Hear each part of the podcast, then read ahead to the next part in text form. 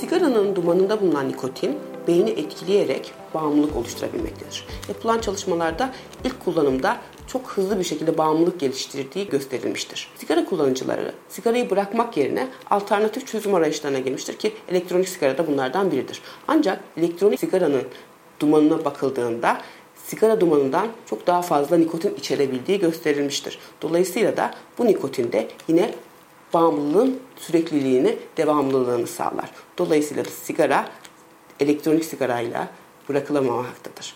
Aynı zamanda bu elektronik sigaranın dumanında çok çeşitli zararlı maddeler de bulunabilmektedir. Kanserojen maddeler, gliserol, etilen glikol bunlar vücuda, beyne, akciğere, solunum yollarına e, oldukça zarar verebilmektedir. Dolayısıyla da sigara bağımlılığında elektronik sigaranın tedavi seçenekleri arasında kanıt değeri yoktur.